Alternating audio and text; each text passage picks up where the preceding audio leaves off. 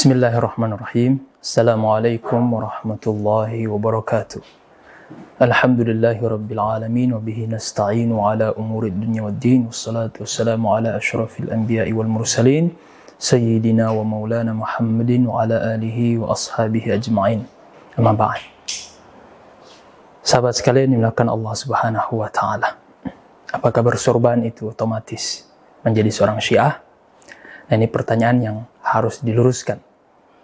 Karena khawatir nanti kemudian uh, apa, merubah perspektif masyarakat terhadap uh, surban itu sendiri atau urgensi dari uh, surban itu sendiri. Namun sebelum kita menjawab pertanyaan ini, uh, ada yang harus kita tahu bahwa Islam ini adalah agama yang sempurna. agama yang kesempurnaannya uh, bukan saja meliputi dalam permasalahan ubudiyah, penghambaan kita kepada Allah Subhanahu wa taala, tetapi uh, juga uh, meliputi bahkan kepada aspek-aspek kehidupan kita sebagai seorang manusia. Di mana bentuk kesempurnaan itu uh, tidak kita dapati pada ajaran-ajaran uh, yang lain, nah, yaitu uh, Islam mengajarkan kita uh, bagaimana uh, memperhatikan atau berpenampilan yang baik, termasuk menutup aurat. Bahkan ketika uh, dahulu cerita peperangan terdahulu, uh, bahkan disebutkan di dalam beberapa riwayat uh, yang mengajarkan orang-orang Eropa itu uh, kepada fashion itu ternyata dari orang-orang uh, Muslim, ya, para mujahid-mujahid yang melakukan ekspansi perluasan uh, daerah atau wilayah kaum muslimin. Nah, singkat cerita, sahabat sekalian, jadi memang Islam ini uh, bukan saja mengatur tentang bagaimana penghambaan seorang hamba kepada Allah, juga bagaimana mengatur kehidupan mereka, ya, termasuk bagaimana berpenampilan. Ya. Dan ini uh, disebutkan di dalam uh, misalnya di dalam hadis dengan beberapa uh, redaksi riwayat uh, yang menyebutkan bahwasanya uh, misalnya tentang kesucian ya at-taharatu syatrun minal iman atau an-nazafatu uh, juz'un minal iman dan lain sebagainya uh, bahwasanya kebersihan itu adalah bagian dari uh, keimanan ya. Nah ini menunjukkan uh, betapa pentingnya menjaga kebersihan penampilan di dalam Islam Bahkan Allah Subhanahu wa taala menyebutkan di dalam Al-Qur'an uh, bahwa salah satu di antara hamba yang Allah cintai yaitu mereka yang senantiasa menjaga kesucian. Innallaha yuhibbut tawwabina wa yuhibbul mutatahhirin.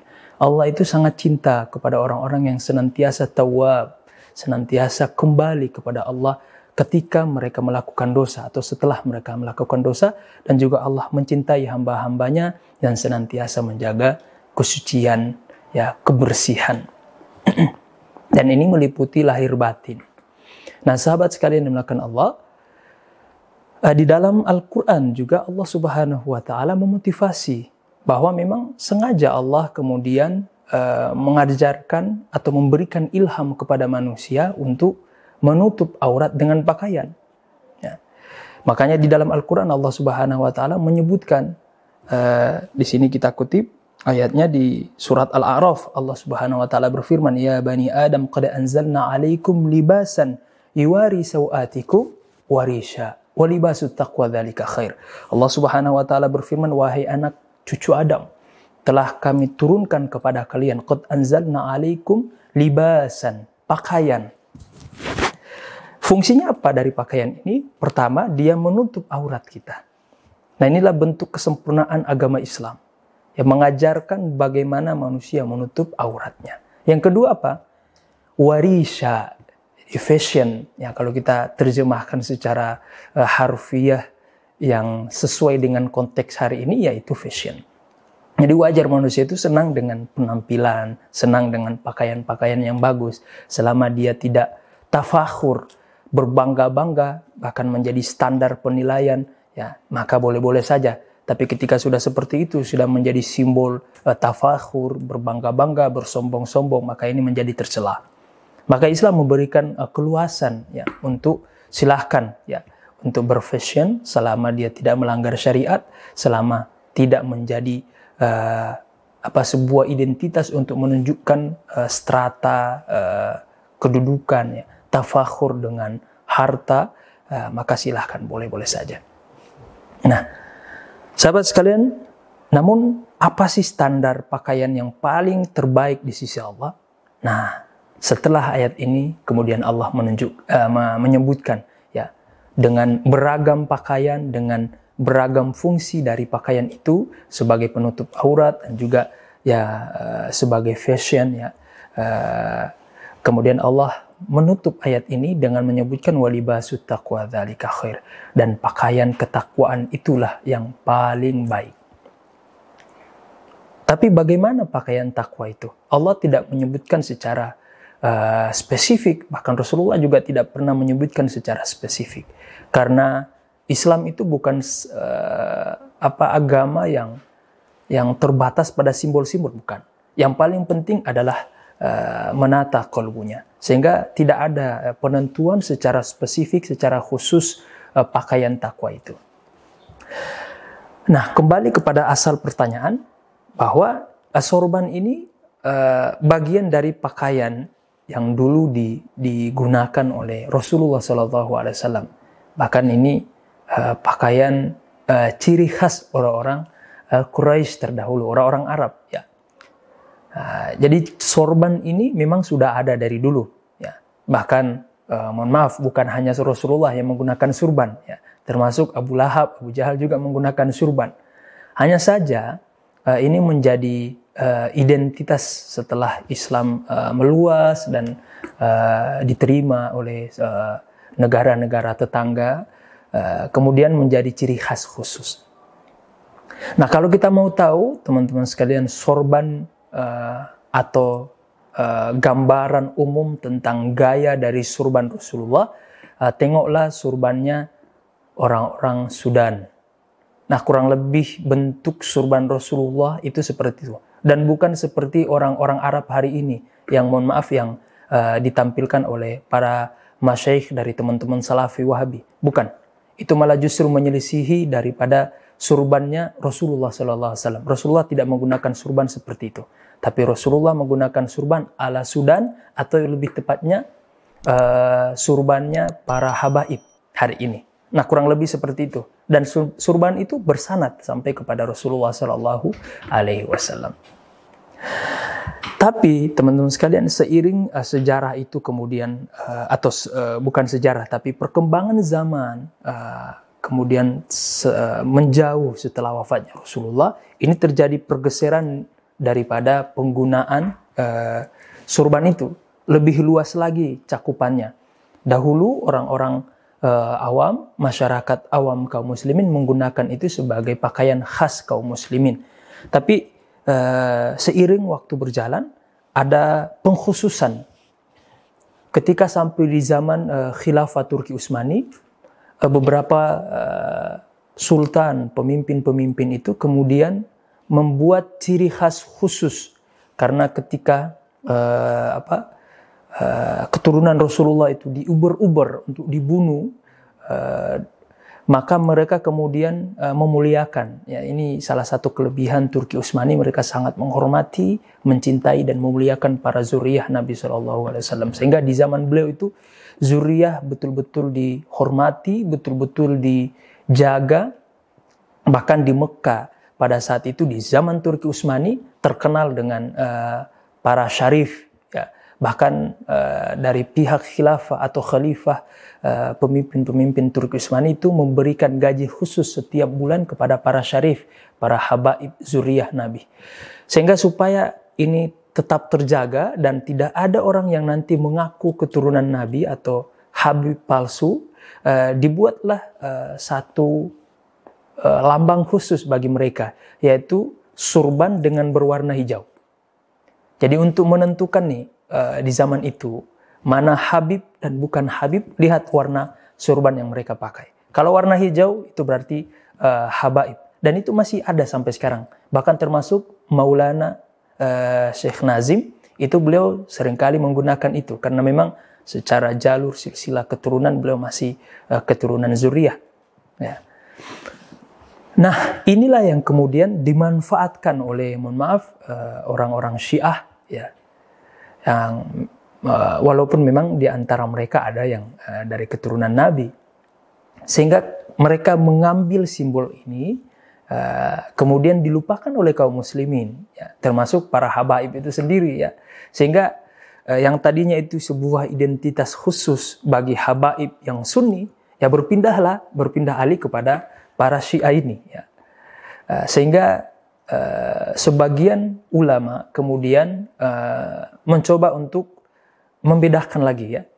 Jadi uh, tidak menggunakan warna tertentu tapi tetap menggunakan surban dengan warna putih aja.